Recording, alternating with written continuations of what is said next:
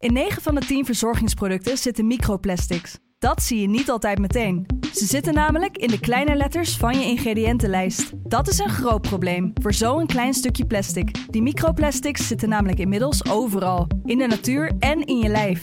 Gelukkig zijn er ook merken die gewoon microplasticvrij zijn. Want dat het anders kan, dat weten we bij Weleda, Lekker Company, Marcel's Green Soap, Naïef, Smaal en Witlof wel. Dus check de kleine letters. Die hebben de grootste impact. Kozijnen bestellen? Toeleveringonline.nl. Stel eenvoudig je maatwerk kozijnen, deuren en schuifpuien samen op toeleveringonline.nl.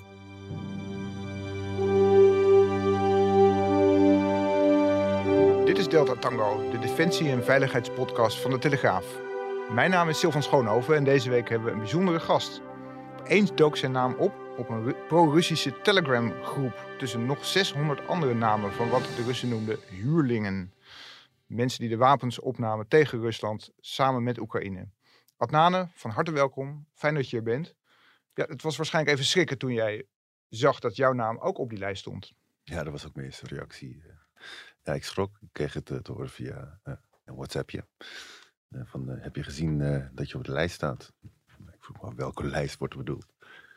En toen bleek dat eh, er eh, een lijst was gepubliceerd eh, met voornamen, achternamen. negen Nederlanders stonden er op die, eh, op die lijst. Hè? Jij was daar één van. Er stond ook een journalist bij. We hebben zelf een beetje ge- gekeken van wie, wie zijn die mensen. Zijn dat inderdaad mensen die ja, de wapens hebben opgenomen? Nou, dat gold voor jou. Ja, dan sta je er ineens zelf op. Ja, tot die tijd dacht ik dat het beperkt bleef bij een paar social media posts die ik dus zelf had geplaatst. Ja, ik wist eigenlijk niet zo goed wat ik eh, ermee moest doen. Was mijn leven in gevaar? Is mijn leven in gevaar? Zijn er risico's? Wat zullen de, de gevolgen zijn? En dat is nu nog steeds heel actueel. Wat, wat zou een risico kunnen zijn?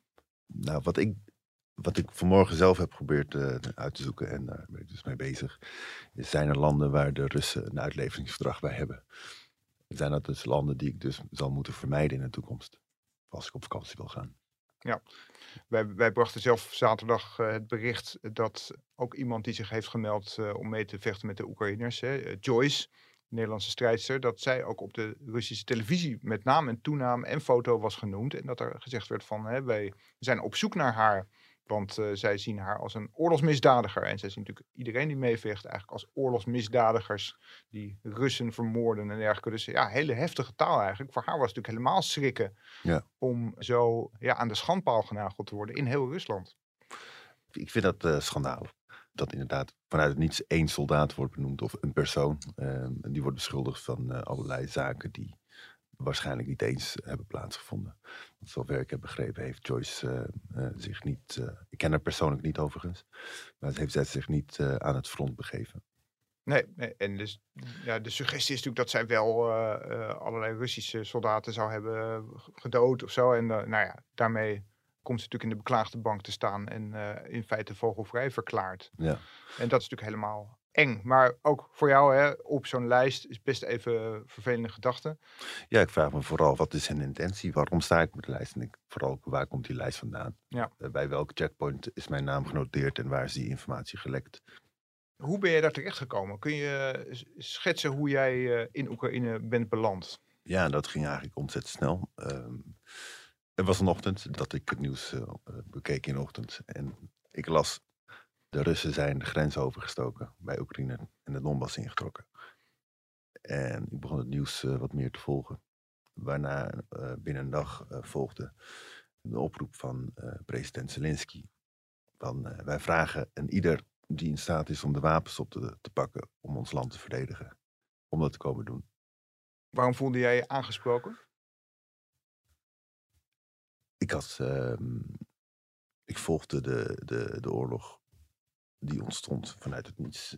Ik, ik schrok eigenlijk eh, van het feit dat het zo snel zo dichtbij kon gebeuren. Ik heb eh, het idee dat als eh, het bij Oekraïne blijft, wat niet zal gebeuren, dat er dan een minder groot risico zou zijn. Maar ik denk, ik had het idee dat wanneer ik nu nog wat kon doen, nu nog iets kon betekenen in een eventueel in een oorlog die aanstaand is, dat ik dat verschil wilde maken. Je, je hebt geen militaire achtergrond, hè, maar wel in het veiligheidsdomein, om het zo maar te noemen. Had je het idee dat je genoeg bagage had om daar een verschil te kunnen maken? Ehm, toen ik daar naartoe vertrok, dacht ik van wel. Na terugkomst wist ik dat dat niet het geval was. Want je kunt nooit voorbereid zijn op een oorlogssituatie. Of het nou uh, skills is, dus vaardigheden, of je eigen mentale weerbaarheid, uh, of jezelf kennen. Ik denk niet dat je ooit voorbereid kunt zijn op een oorlog.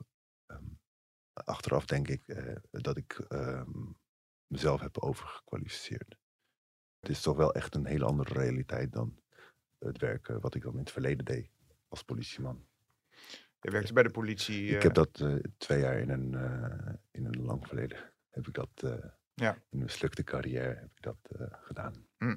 Werd, werd jou gevraagd eigenlijk door de Oekraïners van, joh, ben je op missie geweest? hebben we wat aan jou? Ja, die vragen die werden gesteld bij aankomst op de plek waar je dan kon aanmelden bij de Vreemdelingenleger, wat dus net een tweetal dagen was opgericht. Wat zijn je kwalificaties? Wat kun je? Nou, mijn antwoord was: ik kan een autoprocedure doen, een verdachte uit een auto halen. Ik kan bij een checkpoint staan. Ik kan helpen om als derde of vierde man ter plekke te zijn om jullie te, te ontlasten. Ik kan een gebouw in om een verdachte uit zijn gebouw te halen. En in die realiteit ben ik ook gauw beland, tenminste. Ik sloot me op een gegeven moment aan bij een groep mensen die, uh, die een team aan het vormen waren. En dat waren, uh, was een groep ervaren militairen. En ik kon daar mee als assistent van een soldaat. En we vertrokken al binnen een aantal dagen naar Kiev. En dat waren allemaal buitenlanders waarmee... Het was een samengesteld team inderdaad van allerlei mensen van over de hele wereld. Er waren een aantal um, oud-soldaten van de Verenigde Staten. Britten, Denen, Georgiërs, Turkmenen, Israëliërs. Letten, Litouwers. Die werden bij elkaar geveegd en richting Kiev gestuurd. Dan om daar ja, iets te gaan nee. doen. Nee, op, op zo'n moment ontstaat iets magisch. Je komt daar aan, het is eigenlijk een gigantische chaos. Want iedereen loopt daar een beetje elkaar. Mensen komen zich aanmelden bij de, bij de tent waar dan de registratie plaatsvindt. En terwijl je daar wacht, zie je dus mensen aankomen. En ze herkennen elkaar. Zij het door insignes, je zag dat mensen soms uniformdelen droegen van voorgaande missies. Mensen raken in gesprek, vragen wat de rangen zijn. Mensen, they team up together. Ja, men klontert samen. En dat is uh, iets wat natuurlijk gebeurt. En binnen twee uur stond er een team. Okay. Van mensen die, oké, okay, nou jij kunt dat doen, jij kunt dat doen. Nou, we hebben een compleet aanvalsteam. Laten we ons als geheel aanmelden bij de kolonel. En dat is gebeurd. En vervolgens zijn wij met toestemming vertrokken naar ja. het front. Je had toen echt vertrouwen dus in die groep waar jij uh, ja, op een hele harmonieuze, natuurlijke manier in beland was. Inderdaad, ik, eh, je kent elkaar niet, maar je, vertrouwt elkaar volop. Het was iets magisch. Het was echt iets magisch. En je sprak de taal niet van de ieder, want sommige mensen in het team spraken alleen Georgisch. Het, het was vooral Engels wat, wat spraken. En je gaat op in een groep uh, iemand die, uh, die vertrouwen in jou uitspreekt. Want ik was een onervaren burger, om het eigenlijk zo te zien. Ik was ook een burger in hun ogen. Ik was de laagste in rang. Ik was de soldaat. En de rest was... Die hadden ervaring. Die waren een aantal keer op missie geweest. En ik kon mee. Uh, in, in, eerste instantie was dus de bedoeling dat ik mee kon met een ervaren soldaat. Die was wat ouder. Dus ik kon wat, wat voor hem dragen. Want ik ben een grote, sterke man ik kon wel wat extra bepakking meenemen. En dat was wel nodig. Het, het idee was uh, wat leuk bedacht, maar de, de werkelijkheid pakte anders uit. Ja, want het, want het bleef niet bij uh, ja, het de assistent zijn van een militair, maar je, je kreeg ook zelf echt militaire taken op een gegeven moment. Ja, nou, en je neemt op een gegeven moment ook gewoon taken op, op je. Dat gebeurt automatisch. Ik werd bewapend, uh, de eerste dag al. En uh, we hadden ook echt de keuze uit wapens. Maar ik koos voor een, een wapen wat de Georgiërs ook namen zodat we munitie konden uitwisselen. We gingen naar de schietbaan. We hebben de wapens ingeschoten en zijn een dag daarna vertrokken naar Kiev. Waar we na een aantal dagen voorbereiding zijn wij naar Irpin vertrokken, een voorstad bij Kiev. En dat was uh, een locatie waar de Russen met een konvooi aankwamen. En dat was inmiddels al opgesplitst. Dus wij volgden op de, op, de, op de voet wat de ontwikkelingen waren. We werden omsingeld in Kiev en we moesten wat doen. Even voor dat moment, hè, was er een moment dat je voor het eerst realiseerde van ja, dit is de realiteit van de oorlog. Eh, ja, de eerste explosie die je hoort misschien. Ja, in, eh, in Irpin. dat was een Eerpin. Hoe, Ja. hoe, hoe ging dat? Nou, je, je vertrekt dus 's ochtends vroeg, zo vroeg mogelijk, eh, van de locatie waar je dus verzameld en alles hebt voorbereid. Je vertrekt naar een bepaald punt op, op een kaart, een gebied wat je nooit hebt betreden. Je hebt een bepaald plan. Je, je trekt een gebied in. En vervolgens, je komt in bossen terecht. En vanuit de bossen ga je naar een, voorstad. En dat was dus Irpin. En naarmate je die stad bereikt, zie je wat woningen en die zijn nog intact. En hoe verder je naar die stad toe gaat, je ziet glas wat op de grond ligt. De ruiten zijn overal uit. Je ziet gebouwen die beschoten zijn. Je ziet op een gegeven moment auto's staan met, waar, waar de banden onderweg zijn gehaald. En je ruikt de geur van vuurwerk, oud en nieuw. En dat was ook de associatie die ik maakte, wat er mogelijk voor zorgde dat ik er goed mee om kon gaan. Maar je voelt op een gegeven moment, en je hoort knallen. Je voelt vooral ehm, het, wat door je lichaam heen gaat. Vergelijkbaar met als je in een, eh, in een hooligan menigte staat bij de arena en iemand gooit een, een zo'n vuurwerkbom die dan wijs hard knalt. Nou, dat keer duizend. En dan nog een schokgolf erbij. En dan wetende dat die knallen die je hoort 500 meter verderop zijn. Dan komt het besef dat je daar loopt met een, met een harnas.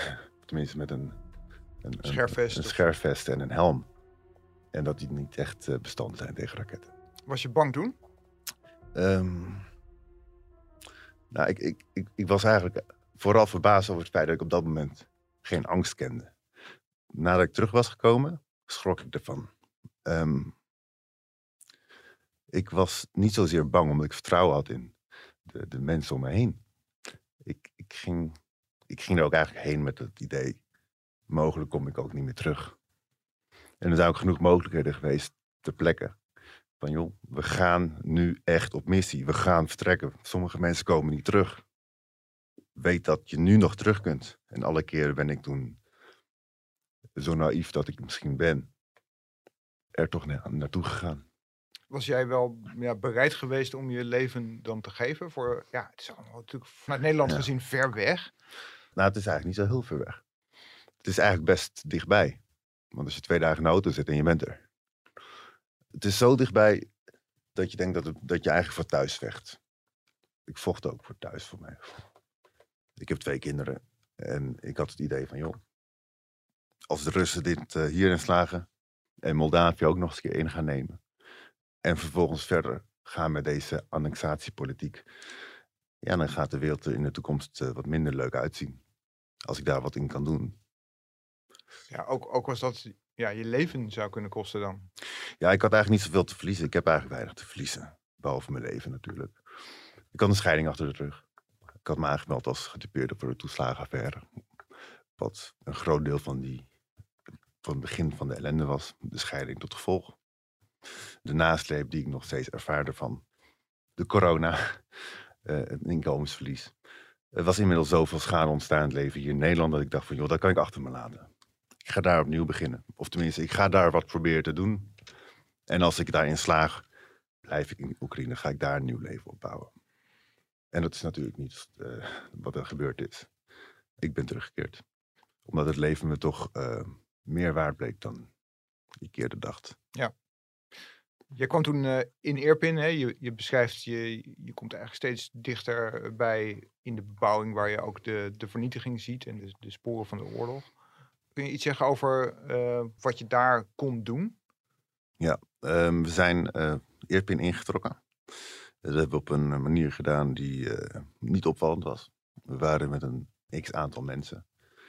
We trokken, we slopen eigenlijk door de, door de, door de wijken, door de straten. Eh, en we, zeiden eigenlijk niet zoveel. Als een slang door de, door de wijken. En op weg naar de, de plek waar we dus heen moesten. Om de Russische bezetter, in ieder geval, te dat wij daar een confrontatie mee zouden gaan krijgen. Tijdens de beweging zie je dus mensen daar die daar wonen. Die, die, die ineens spullen pakken en in een auto gooien. En in het busje stappen en vertrekken.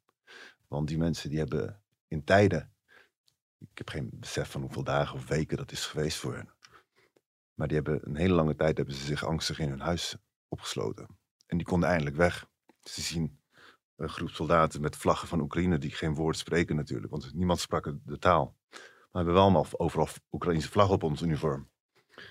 En zij zien de Oekraïnse soldaten. Ze vertrekken. Een oudere dame die onze handen pakte, begon te kussen en kruisjes sloeg. Maar zij was niet weg te krijgen. Je ziet, naarmate je door die woonwijk loopt, steeds meer vernietiging. Gebouwen die in de fik hebben gestaan, je ziet kinderwagens. Um, later op de dag, bij terugkeer, zijn we bij een brug terechtgekomen. En dat leek echt apocalypse. Er was een raketaanval geweest op die brug. Dat was een stuk ervoor geweest, want de auto's waren al uitgebrand. En het was een, een rij van auto's, nou, ik denk wel 200 meter lang. En er waren allemaal voertuigen die achtergelaten waren. Vol met spullen. Kinderwagens, je zag de baby pampers, alles zag je erin liggen. En ze hebben die auto's achtergelaten en zijn te voet verder gegaan. En we hebben het ook over dure auto's. En die auto's die stonden daar nog steeds. Um, op dat moment kijk je omheen en denk je van... Dit is alsof de hele wereld vernietigd is. Zo'n filmscène. Nog erger dan een filmscène. En toen kwamen, werden we onder vuur genomen. En dan ga je vluchten voor je, voor je leven.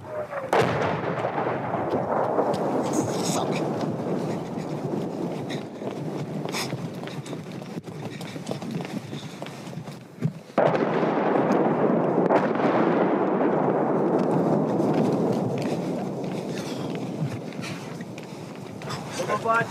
No problem.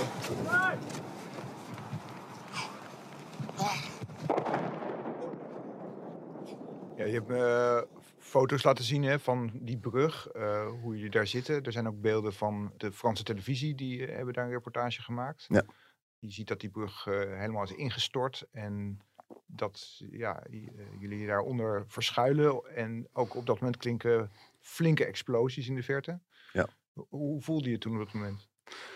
Um, nou, we zijn eigenlijk op tijd weggekomen.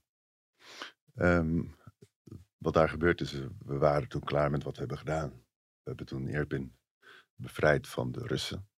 En de groep die militairen die bleef erachter. De Oekraïnse plaatselijke. En uh, ik ben toen met mijn groepje weer teruggetrokken omdat we flink wat werk hadden gedaan. Terug naar Kiev of? Nou, we waren ons aan het terugtrekken. En op dat moment komen wij dus die, uh, de, de andere Oekraïnse soldaten tegen die gevolgd werden door de Franse 24. En het waren drones die ons net aan het volgen waren. Dus we moesten ons ja, uit beeld krijgen. We zijn onder die brug vertrokken, teruggetrokken onder die brug. En op dat moment was er een collega, die, een teamgenoot, die een pad vond. Dat we dus veilig weg konden. Daar kozen we voor. Ehm, dus wij vertrokken. Op dat moment werden ze onder vuur genomen.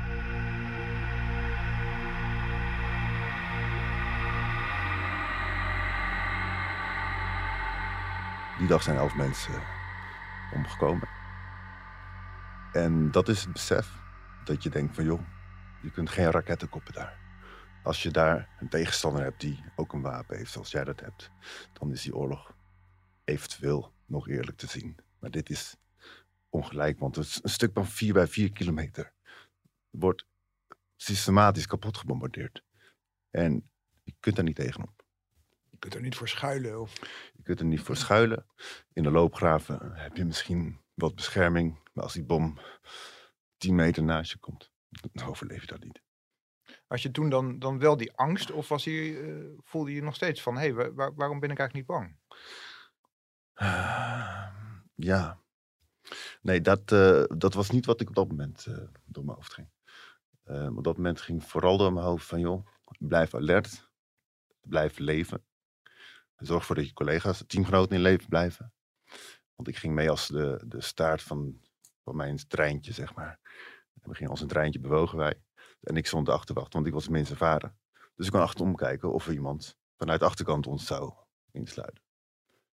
Dus ik was alleen maar bezig met, met die taak. En het dragen van spullen natuurlijk.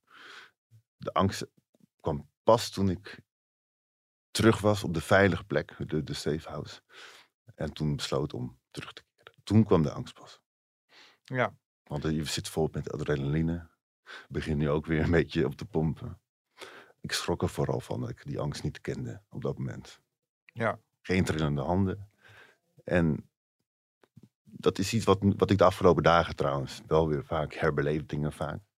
Als ik een liedje hoor, dan kan het associaties met zich meebrengen.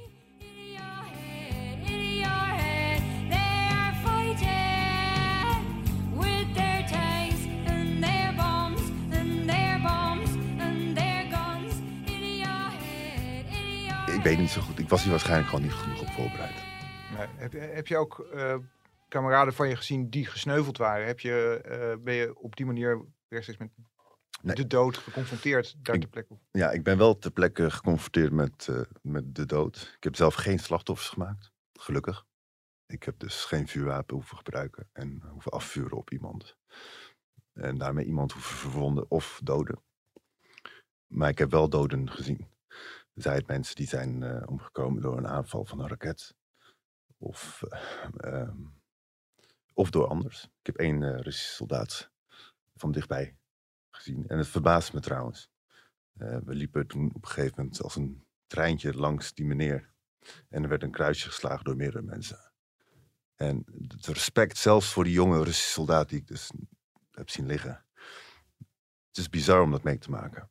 En ik heb eigenlijk veel meer waardering gekregen voor hoe soldaten eigenlijk omgaan in crisissituaties of, of in oorlogsgebied. Juist omdat ik er zelf getuige geweest van ben. Het is dus niet zo dat je, dat je de, de vijand haat Nee. op dat moment. Je ziet elkaar dan niet als vreselijke wezens die, die alleen maar de dood verdienen. In dit specifieke geval.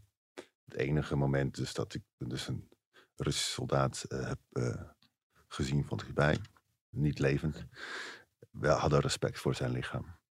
Juist omdat, dat had ik niet verwacht. Juist omdat de, de soldaten die dus al langer op missie waren, vaker op missie waren geweest. Die waren op een bepaalde manier zo waardig. Met, het liep op een, hele andere manier langs dan de minder ervaren mensen. Ja, dat is een beeld wat je nooit vergeet. Jij kwam toen terug in veiligheid op een gegeven moment. Je was Ja. weg uit, de, uit, uit die frontzone. Wat gebeurde er toen? Nou, we hadden dus de, de missie gedaan en waarschijnlijk als eh, gevolg hadden de Russen die aanval uitgevoerd. Wij waren terug op de safe house en ik had de instelling van joh, ik blijf. Totdat er een eh, maatje van mij was die zei van joh, maatje, we moeten hier weg. Ze gaan ons nu helemaal omsingelen en we gaan waarschijnlijk een raketaanval kunnen verwachten. Toen begon dus ja, dit gaan ze dus doen met ons. Want dit hebben ze ook op Javorov gedaan. Dat was de plek waar het Vreemdelingenlegioen werd aangevallen. Die basis waar toen een raketaanval op Ja. gepleegd is, waar ook Nederlanders bij waren. Dat was voor mij een reëel besef. Of een realistisch iets wat kon gebeuren. Inderdaad, dat dat opnieuw zou plaatsvinden. Maar mogelijk op de plek waar wij zaten. Ik dacht van, joh, inderdaad, wegwezen nu. Eh, mede omdat iemand zei, het is niet jouw oorlog. Het was een teamgenoot die dat tegen me zei. Het is niet jouw oorlog. Jij voelde dat dus aanvankelijk wel zo, dat het wel jouw oorlog was. Maar Het was ook niet mijn oorlog. Het is het ook niet. Maar het is wel onze oorlog, met z'n allen. We kunnen wel wat aan doen om te stoppen. Wat dat is, ja, daar kunnen we het nog een keer over hebben. ja, Maar ik had echt niks te zoeken. je had het idee van... Niet als eh, soldaat. ik moet hier weer wegwezen. Ik wilde de humanitaire kant op gaan. Hm. Ik heb daar zoveel verderf gezien. Ik heb daar mensen zien liggen, burgers, die mogelijk gewoon gezien waren door Russen en werden doodgeschoten. Wat, dat is trouwens wel wat, wat ik dus daar ter plekke heb gezien, is dat er. eh, ik had het idee eerst dat die mensen, die, ik had een aantal mensen zien liggen die lagen naast elkaar in de verte. En ik had het idee dat het een executie was. Maar nadat ik dus die Russische soldaten heb gezien, dacht ik van joh, dat is mo- mogelijk gewoon geweest. Dat ze die hebben netjes hebben naast elkaar hebben gelegd. En al die beelden die ik trouwens na dat ik terug ben gekomen heb gezien, die bevestigen dat denk ik. Want iemand wordt op een kruispunt neergeschoten en ze leggen hem langs de weg. Ik begin me steeds. eh, ik, ik- wil eigenlijk de beelden niet meer zien. Toch wil ik ze wel zien. En tegelijkertijd wil ik door met mijn leven. Maar wat voor leven? Dit is dagelijks wat, waar ik mee geconfronteerd word. Ja. Dus ik denk wat ik vooral wil zeggen tegen de mensen die denken van joh, die net als ik dachten van, joh, ik ga naar Oekraïne toe om te vechten. Ga daar niet heen als je geen ervaring hebt in de militaire wereld. Eh, ga er niet heen als toerist. Ga er niet heen eh, om ervaring op te doen. Het is echt real life. Eh, de, de schokgolven, de bommen, het feit dat je daar naartoe gaat en niet meer terugkomt. Die kans is heel groot. En ik heb genoeg mensen gekend die niet, nu niet meer zijn. Hele mooie mensen. En het besef dat ik hier zonder schrammetje terug ben kunnen komen. Eh, het is niet mijn oorlog geweest, vandaar dat ik het op deze manier kan zeggen. Maar achteraf gezien, ik had het nooit moeten gaan. Je hebt er spijt van eigenlijk. dat je- Nee, ik heb geen, nee, nee ik, dit is, dit is de, de meest waardevolle, leerzame tijd geweest in mijn leven. Ik heb mezelf leren kennen, ik heb mensen om me heen leren kennen, ik heb, ik heb oorlog van dichtbij kunnen zien. Ehm, ik heb een besef gehad van, joh, wat er aan ellende op de televisie wordt laten zien. Als, als we even kijken naar hoe, als ik naar telegraaf.nl ga en een foto zie van een oorlogsgebied. Nou, die foto die zegt nog niks. Echt niet. Als je erin stapt, die geur hebt, de, je, je voelt de explosies. Je, voelt, je ziet de flitsen. De temperatuur, het is, het is ijskoud. Je zit daar met min 15 graden. Je ziet wat, wat, wat er allemaal veroorzaakt is. Dan heb je een beeld van wat er echt gebeurt. Ik kan alleen maar nu inbeelden hoe het bijvoorbeeld in een ander oorlogsgebied is. Waar ik op een bepaalde manier best makkelijk overdacht. Het is echt, het is werkelijk waar ellende. Het is de hel geweest. Ja, jij besloot dus van in elk geval van ik wil hier geen deel meer van uitmaken. Ik ga eh, terug naar huis. Je bent niet in één beweging terug van Oekraïne naar Nederland gegaan, hè? Nee, ik, eh, ik wilde terug. eh, eerst ben ik, was ik van plan geweest om terug te gaan naar de basis. Waar ik dus eerst was. Die dus inmiddels niet meer was. Ik wilde kijken of ik daar wat kon doen. Omdat je toch midden in het conflict zit. Dat bleek geen mogelijkheid. Dus wij werden begeleid. En we konden vrij de grens overgaan. En ik ben in Polen. Heb ik eh, de Nederlandse ambassade gebeld die inmiddels eh, niet meer actief was in Lviv. Want die was inmiddels gesloten. Dus ik heb via Nederland, eh, Buitenlandse Zaken, heb ik contact gehad. En ik heb aangegeven van, joh, ik kom weer terug naar Nederland. Want voordat ik vertrok, heb ik me ook netjes aangemeld van, joh, ik ga naar Oekraïne toe. Omdat ik vind dat het nou eenmaal netjes is. Om als Nederlander, als je in het buitenland bent, even bij Buitenlandse Zaken aangeeft. Joh, eh, daar ben ik, in dat conflictgebied. Ik heb ook een hulpvraag uitgesteld. Ik heb vanuit Polen ben ik eh, een aantal dagen, een tweetal dagen ben ik geweest op een landgoed. Op een locatie waar ook vluchtelingen werden opgevangen. En toen ben ik vanuit die locatie als chauffeur in een van de busjes, heb ik vluchtelingen meegenomen naar Duitsland. Ze hadden een chauffeur nodig. Ik kon rijden. Nou, twee vliegen in één klap. Ik kon dan terug naar Amsterdam. Ik ben in Duitsland aangekomen. Ik heb daar een dag verbleven. Ik heb daar eh, even door de bossen, door het groen gewandeld. En ben vervolgens eh, teruggekeerd naar Nederland. Amsterdam aangekomen ben ik eh, naar de locatie gegaan waar ik verblijf op dit moment. Niet in Amsterdam. Ik vertel het nu alsof het in drie dagen is, maar het is eh, volgens mij een week. eh, het heeft een week geduurd voordat ik terug in Nederland was. En toen ik in Nederland was, heb ik eh, twee weken lang heb ik mezelf volgegoten met alcohol. En dat ging heel makkelijk. En daarna ben ik gaan praten. Het blijft gewoon in je kop. Want je bent wel beschadigd. Alleen daarom zou ik denken van doe het niet. Want je komt terug op een bepaalde manier. Wil je die bagage meedragen? Is dat het waard? Het was het wel waard. Ik vroeg je vorige keer ook van, eh, is de gedachte opgekomen bij je om toch weer naar Oekraïne terug te gaan? Die drang is er eigenlijk wel. Want ik ben, ik ben weggegaan omdat ik dacht dat Kiev zou worden omsingeld. En dat we kapot zouden wo- worden gebombardeerd. Wat niet is gebeurd. Dus ik had daar eigenlijk nog prima kunnen zitten, dacht ik. Maar tegelijkertijd heb ik er echt niks te zoeken. Ik, ik spreek geen Oekraïens. Dat is al een achterstand. Alles met gebaren, met Google Translate te plekken. Of het in het Engels doen. Het is, brengt zoveel risico's met zich mee. Want daardoor eh, ga je alleen maar af op lichaamstaal van mensen. Ja, je moet toch kunnen communiceren met een commandant, die moet jou toch Oh, maar de bevelen? commandanten die spreken wel Engels. Ja, maar de- goed, de- ja, Nou, ik zal het grappigs vertellen, bevelen. Ik heb in, in, in, in, in, de, in de tijd dat ik daar dus in het leger zat, heb ik nog nooit zo'n groepje respectvolle mensen gezien als daar. Hoe mensen daar met elkaar omgaan. Hoe hoog je ook in rang bent, dat maakt niets uit. We zijn één geheel geweest. En het is niet van jij bent de laagste in rang.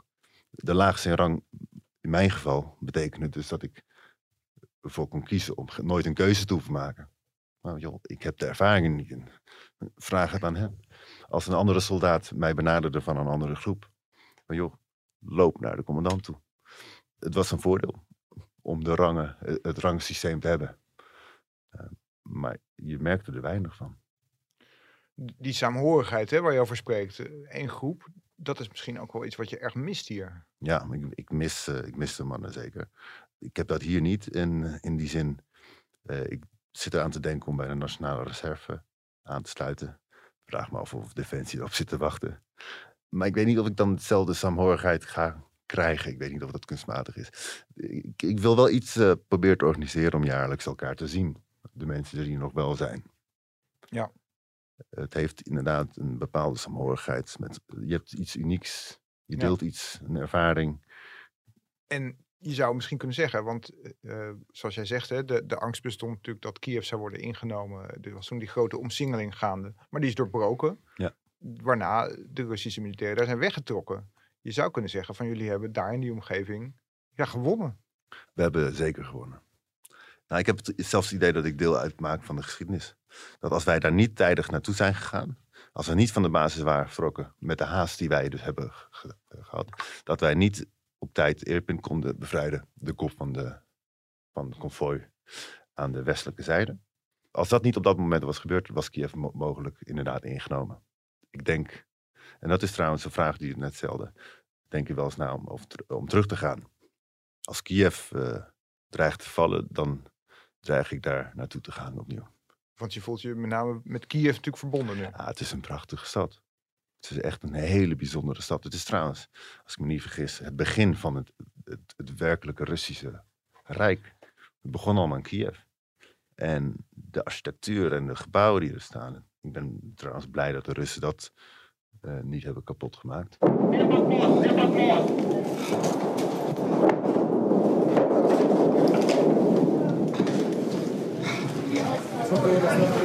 You okay? Yes, man, I'm okay. I'm ready. Good. I'm ready to rumble. Let's ready to rumble. Wat horen we hier? Ehm, we hebben net eh, gehoord een, eh, een, Oekraïnse soldaat die daar ter plekke echt eh, onwijs veel strijd heeft geleverd. Ik vond het wel grappig, want eh, het moment dat hij Let's get ready to rumble zegt, stond ik daar ter plekke. We waren net klaar met de missie. We waren op, we waren moe, we waren leeg. We hadden geen ammo meer. En je moet je voorstellen, als je 1500 kogels meeneemt. En dat gelukkig uitwisselt met anderen natuurlijk. Je bent op, je gaat terug, je wil weg. En op dat moment ziet hij ons eh, en hij denkt van... joh, de Special Forces zijn er nadat hij ons om hulp had gevraagd, blijkbaar. En hij wil een offensief voeren, maar dat kon niet. Wij, wij, wij zijn toen vertrokken. En eh, toen is die, eh, die brug opnieuw onder vuur genomen. En toen hebben ze met, met, met machinegeweren... hebben ze volgens mij daar ter plekke een Amerikaanse soldaat is omgekomen. Die ik op de foto herkende van Sky News.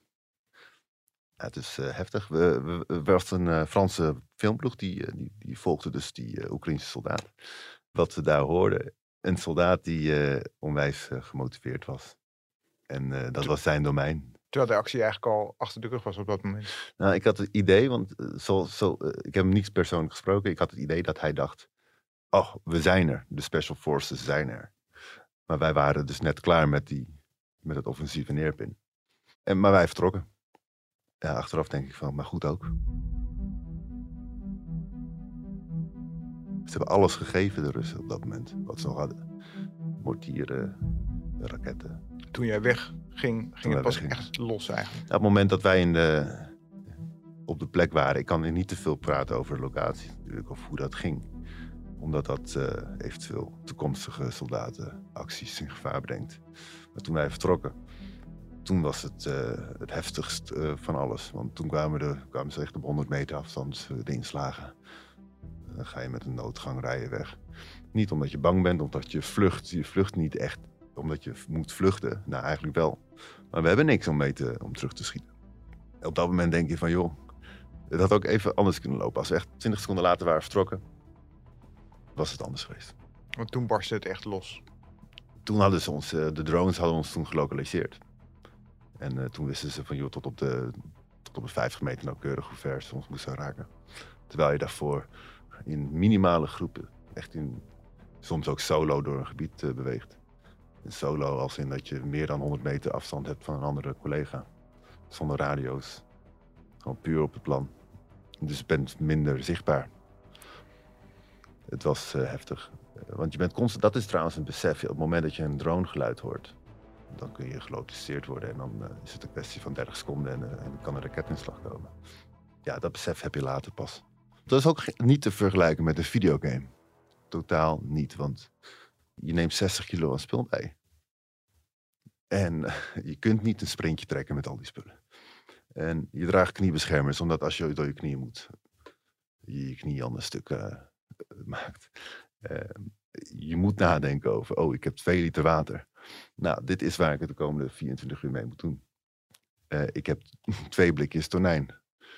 Als ik trek heb, eet je een half blikje tonijn. Je laat het andere de andere helft van je rantsoen bewaar je.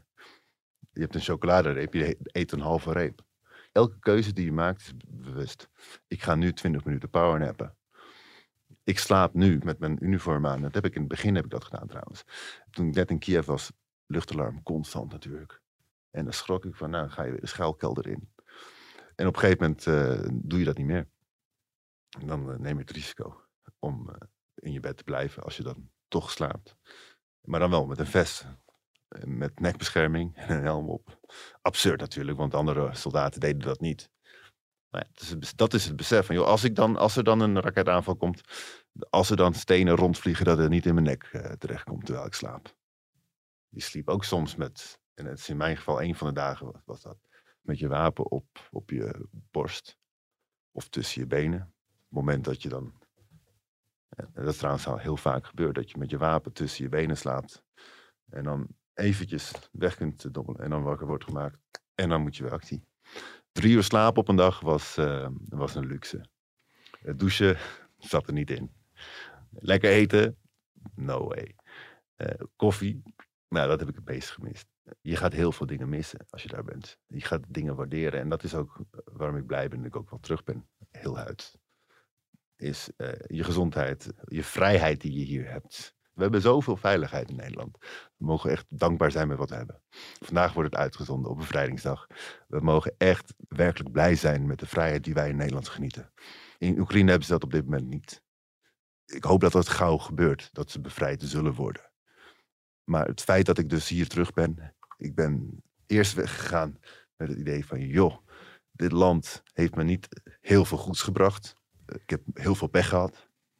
Je staat in het niets met wat de realiteit daar is. Waardoor zelfs wat je meemaakt, je gaat zo waarderen, want het is niet een paradijs. Nederland is werkelijk een paradijs, een veilige plek, een mooie plek. We zijn democratisch.